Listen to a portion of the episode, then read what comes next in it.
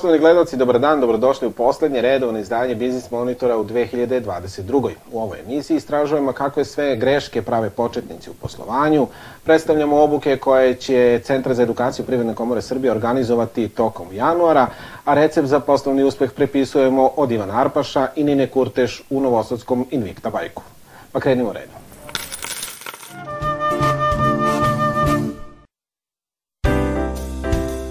Razvojna agencija Srbije raspisala je konkurs podrške privrednim društvima za promociju izvoza, za što je namenjeno 150 miliona dinara. Na konkurs mogu da se jave privredna društva iz prehrambene industrije i proizvodnje pića, osim mineralne i ostale flaširane vode, proizvodnje nameštaja, modne industrije, zaštitne i radne odeće i obuće, proizvodnje gume i plastike, mašine i opreme, električne i računarske opreme te proizvodnje metalnih proizvoda – Privredna društva na poziv mogu da se jave do 21. marta. Poreski inspektori će u buduće moći da, ukoliko procene da je ugrožena naplata poreza, usmeno izreknu privremenu zabranu delatnosti na vašarima, festivalima, izložbama i drugim manifestacijama u okviru kulturnih, muzičkih, sportskih i sličnih događaja, saopštila je Poreska uprava. Ova mogućnost uvedena je najnovijim izmenama i dopunama zakona o poreskom postupku i poreskoj administraciji i to kako bi se poboljšala efikasnost kontrole evidentiranja prometa preko elektronskih fiskalnih uređaja na manifestacijama. Kompanije iz Srbije, domaće ili strane, koje izvoze sirovine, komponente, poluproizvode i usluge na nemačko tržište od 1. januara 2023. godine moraće da poštuju ljudska prava i dokažu da nisu zagađivači životne sredine, onako kako nalaže novi zakon o lancima isporuke u Nemačkoj. Ovaj propis se ne odnosi na naše kompanije koje izvoze gotove proizvode, već isključivo na dobavljače.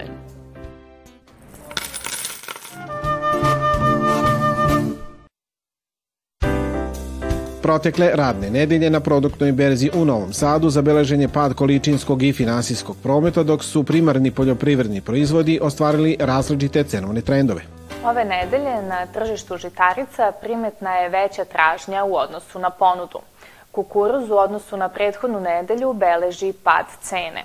Na tržištu pšenice primetna je povećana tražnja za pšenicom sa proteinom 11,5 do 12 što je uticalo na rast cene ove žitarice. Soja izostaje iz trgovanja usled cenovnog spreda kupaca i prodavaca.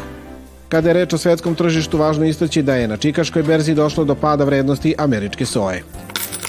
Na kraju protekle poslovne sedmice na Beogradskoj berzi ostvaren je promet od svega 14,4 miliona dinara, berzanski indeksi zabeležili su različite trendove. Američka laka i severnomorska nafta kraj prošle poslovne nedelje dočekale su sa padom cene. Od svih najvažnijih plemenitih i baznih metala kojima se trgovalo u svetu, samo je aluminijum kraj protekle radne sedmice dočekao sa padom vrednosti.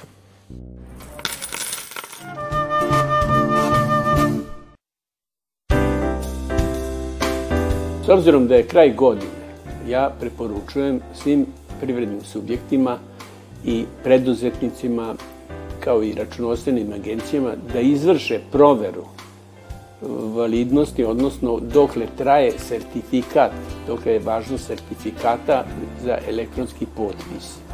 Ukoliko taj sertifikat ističe tokom januara, februara, bilo bi veoma dobro već sada podneti zahtev za dobijanje novog sertifikata i na taj način se obezbediti da ne dođemo u situaciju da treba predati završni račun koji se može samo elektronskim potpisom predati, da ne može da se preda, a u privrednoj komori ili u nekom drugom de, sertifikacijnom telu se treba čekati možda mesec dana i onda je veliki problem.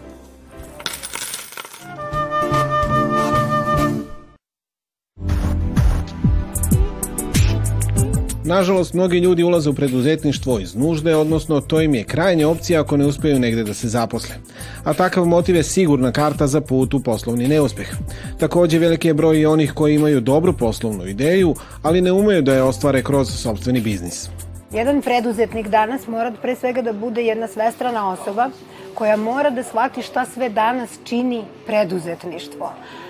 I svako ko se generalno bavi nekim poslom mora da ima jedan širok spektar znanja iz potpuno različitih oblasti, e, pre svega da poznaje ono što radi, da li je to svoj proizvod ili usluga, a onda da poznaje i razne neke druge stvari poput prodaje, marketinga, komunikacije, brandinga, e, financija, administracije i tako dalje. Kad neko otvori preduzetničku radnju ili ideju, to se radi u APR-u, odeš, predaš šta treba se preda.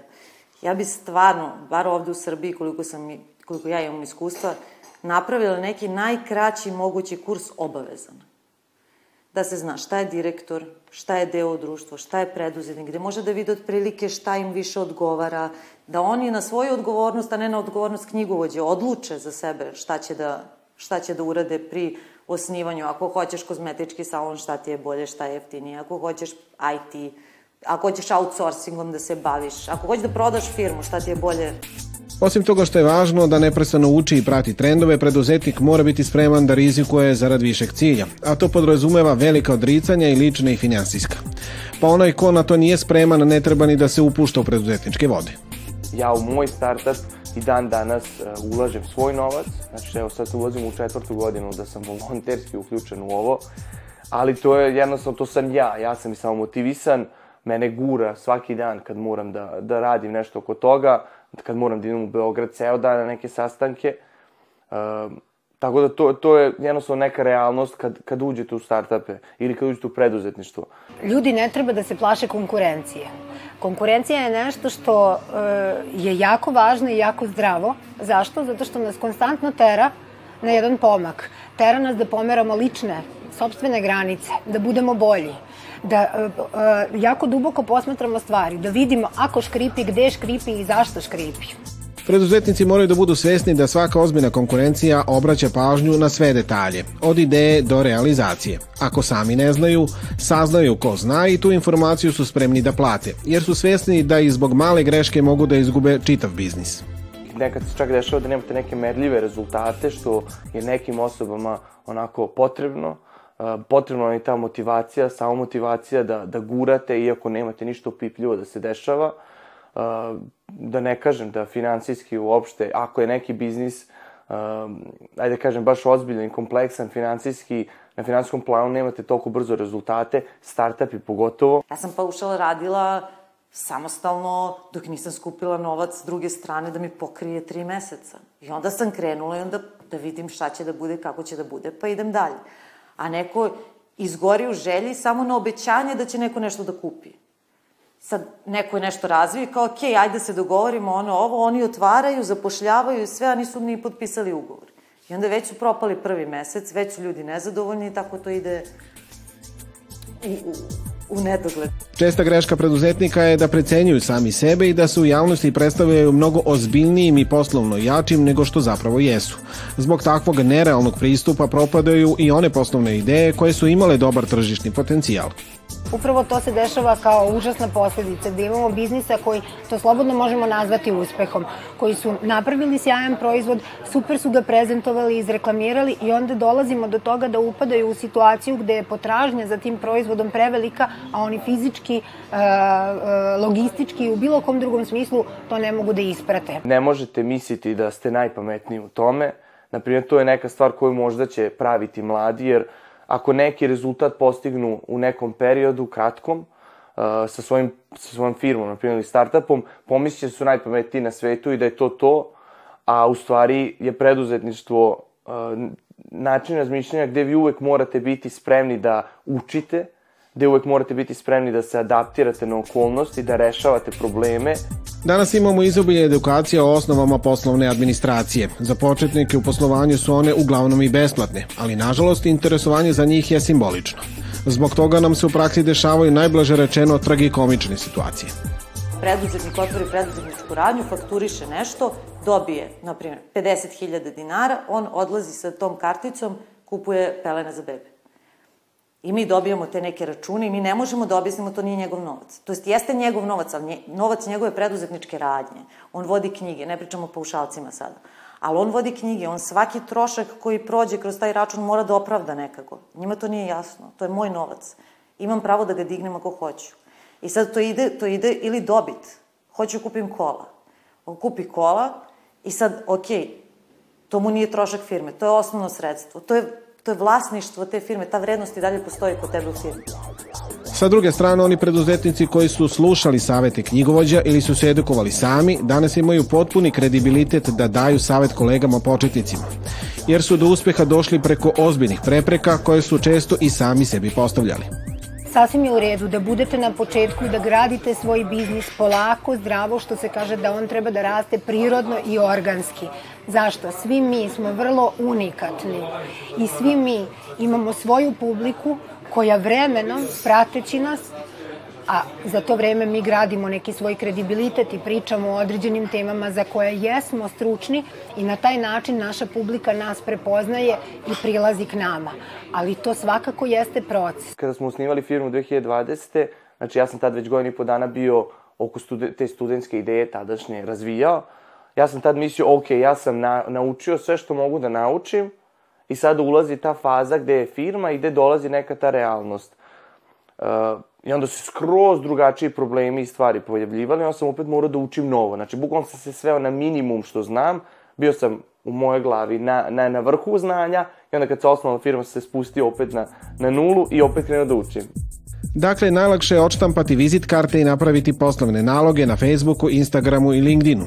Ali svako ko misli da je to kraj procesa, a njen njegov sam početak, preduzetništvom ipak ne bi trebalo da se bavi.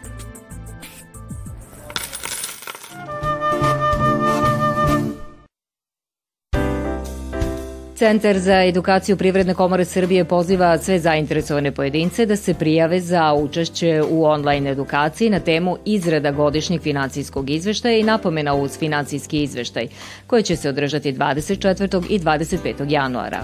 Cilj ovog seminara jeste da se polaznicima predstave načini sastavljanja finansijskih izveštaja i pratećih napomena, ali i da se predstave određene tehnike kontrole i provere pozicija koje prethode izradi finansijskih izveštaja. Seminar je namenjen svima onima koji rade u sektoru računovodstva i financija, ali i svima onima koji se bave izradom, analizom i pripremom finansijskih izveštaja i baziran je na praktičnom radu u računovodstvu, što znači da će svi polaznici dobiti pra, zapravo praktična znanja koja odmah mogu primeniti u izradi izveštaja. Prijave za najavljene edukacije mogu se poslati dan pred njihov početak, a neophodne informacije o uslovima i načinu učešća na svim predstojećim obukama mogu se pronaći na internet stranici Privredne komore Srbije.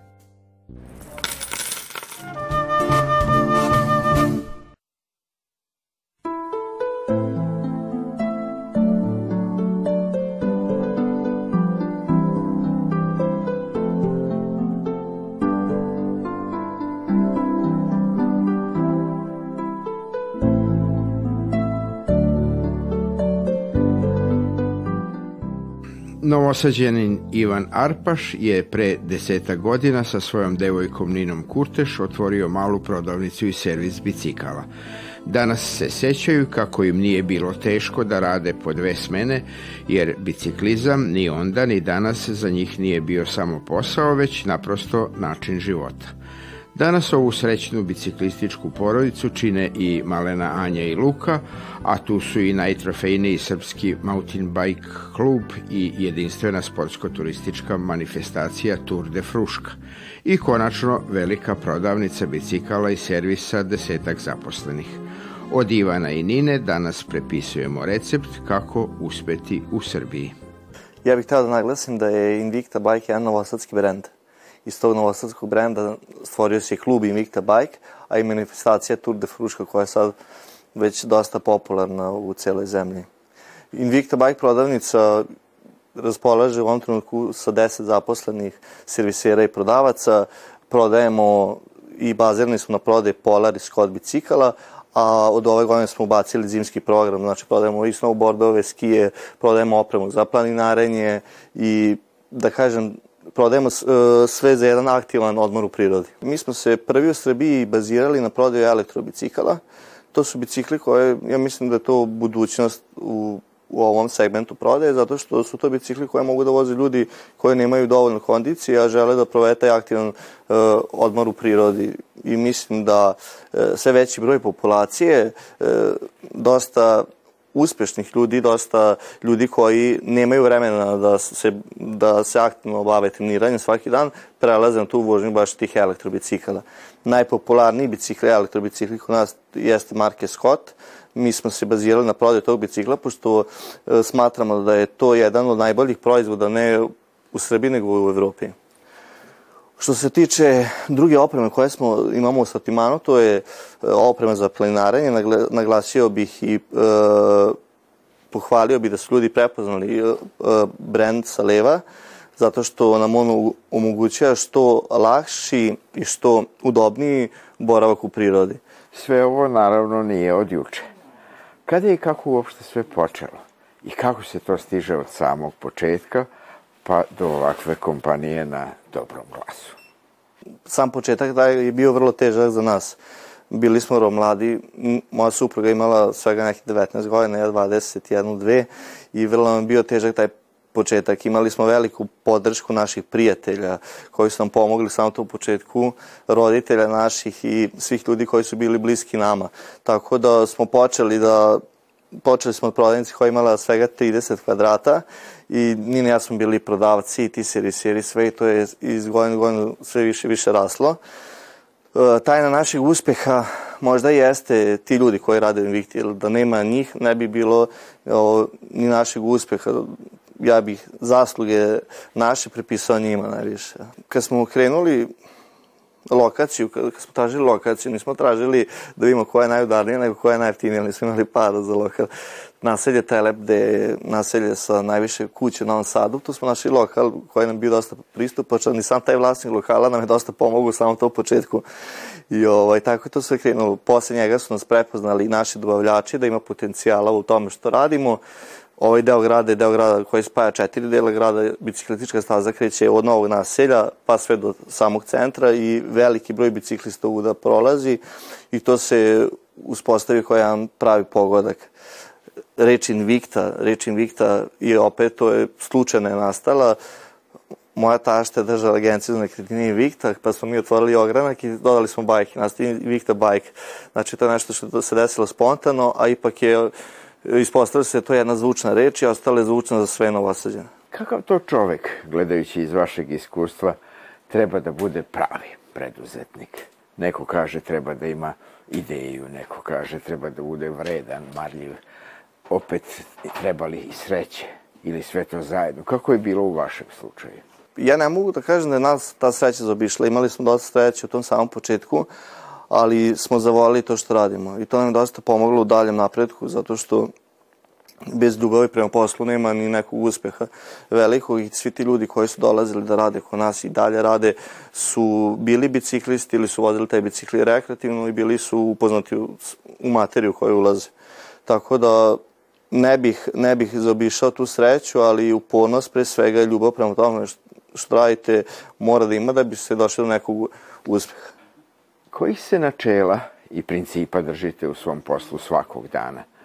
Šta bi to bio recept za poslovni uspeh? Moj kum, inače poznati vaterpolista Boris Vapenski, jednom prilikom rekao u kafani. Kaže, kume, koliko daš, toliko ti se vrati. Tako smo mi gledali da ne budemo škrti prema tim samim kupcima, nego smo im često izlazili susrete. Neke stvari nismo ni plaćivali, učestvovali smo mnogo, u, mislim, u nekim humanim stvarima, pohranjali bicikle. Neki servis nismo ni naplatili koliko smo trebali da naplatimo i to nam se posle vratilo.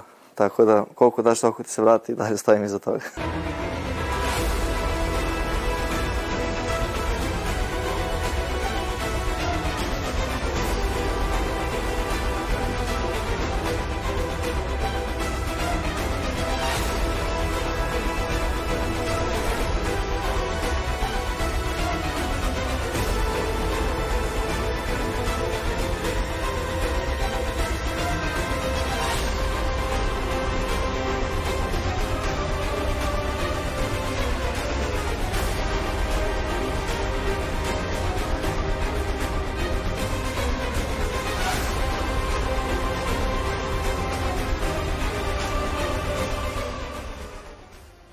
Ivanovu suprugu Ninu pitamo šta ko radi u ovom porodičnom biznisu i šta je u ovom poslu najteže, a šta najlepše.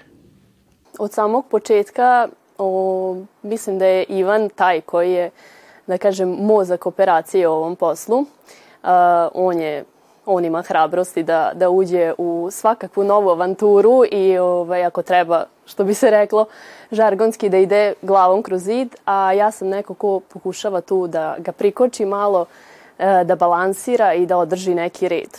E, u principu, oboje smo zaduženi da radimo sve u našem poslu, ali ja sam više zadužena, ja sam tako koja više malo vodi računa o papirologiji, o nekoj urednosti e, funkcionisanja posla, a on je taj koji donosi neke nove ideje, inovacije. E, komunikacija sa kupcima je kod njega odlična i ovaj, mislim da, da ga ljudi baš vole. U preduzetničkom poslu jako je teško odvojiti porodicu i posao.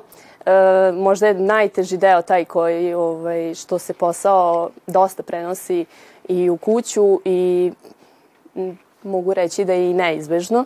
Ali ovaj, kada pogledamo iza sebe i kada prođu svi oni teški trenuci, ovaj, onda budemo ponosni na sve ono što smo uradili i e, s obzirom da, da, da radimo posao koji volimo, nije ni teško ovaj, pričati o tome i kod kuće.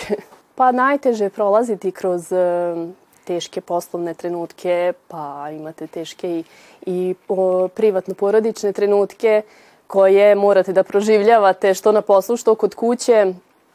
Međutim, sve, to, sve se to da rešiti, sve to prođe i onda kada e, čujemo lepe komentare ljudi i pohvale koje dobijamo svakodnevno, e, to je ono, to znači da smo ostavili neki pozitivan trag iz svega ovoga i e, to je naš lični uspeh. Kako je to biti preduzetnik u Srbiji danas? Šta vam je u tome lepo? Što ste sam svoj gazda, šta vam najviše smeta? Što se tiče naše delatnosti, naše branše, Srbija je zemlja da je biciklizam, kad smo mi još i nije bio toliko razvijen. I onda je na neki način bilo možda i malo lakše da uspemo u njemu ali druga stvar je ta gde smo mi imali pritisak, da kažem, dobavljača, kupovine, kredita za tu robu i svega, gde mi naš pritisak nismo smeli da, da prenesemo na zaposlene, na same mušterije, nego smo morali sami da se nosimo s time i da se borimo. Ali, opet kažem, dobili, imali smo dosta i povlastice i benefita, gde smo sigurni i da možemo sa pravom da kažemo svakom ko želi da se usudi u svoj privatan biznis da Srbija i tekako jeste zemlja da može da se uspe u tome. Lepo mi je da, da znam za šta se borim, da znam uh, da sam srećan kad vidim da je došlo dete da kupi bicikli 12 e, pa posle par godina vidim došlo da kupi opet 24 Znači oni su zadovoljni našom uslugom i vraćaju se. I lepo mi da vidim pošto mi smo imali ovih mlade zaposlene, oni su sad izrasli u dobre, poštene i, i ove, ozbiljne ljude. I gde smo videli da su se oni kroz ovu zdravu priču lepo izgradili. Ovaj, I moj, da kažem, ne poziv, nego o, moj savjet svim preduzetnicima jeste da na na mladima svet ostaje i da treba da pruže dosta ovaj dosta podrške i poverenja u mlađim ljudima zato što uh, ljudi koji su krenuli da rade nas imali su svega neki 17 17 godina sad imaju 26 27 28 godina i mislim da su vrlo dobri radnici i da su i, i da su izrasli u prave radnike, u radnike koje možete imati poverenja. I na kraju biznis monitora mi uvek pitamo šta je za vas poslovni uspeh, a šta lična sreća. Pa poslednji uspeh, vratit ću se na ovu priču od malo pre što sam rekao, kad vidimo da neko došao da kupi bicikliju uh, od točak 12, pa je posle došao 24, to je prošlo par godina. Oni se vraćaju ovde i to je naš poslovni uspeh. Poslovni uspeh jeste ova radnja u kojoj se sad nalazite i poslovni uspeh jesu ovi ljudi koji rade u toj radnji. A poslovna sreća... Uopšte, ali sreća uopšte u životu. Kako u životu. Pa, ja, ja, ja svoju sreću definišem kroz svoju decu, zato što su moje deca odrastaju u ljubavi i odrastaju kroz ovu radnju i oni će sutra reći da su oni bili isto za, za, začetnici Invicta bajka koja možda postane evropski brend. ovaj, e, to je za mene sreća, zato što zajedno sa njima, sa svojom suprugom, sa svojom porodicom, ovo sve gradio. Toliko za ovaj put, a za 9. januar pripremili smo vam specijalno praznično izdanje sa izborom najzanimljivijih preduzetničkih priča iz proteklog dela sezone. Ekipa emisije Biznis Monitor želi vam prijatne praznike i sve najbolje u novoj 2023. godini.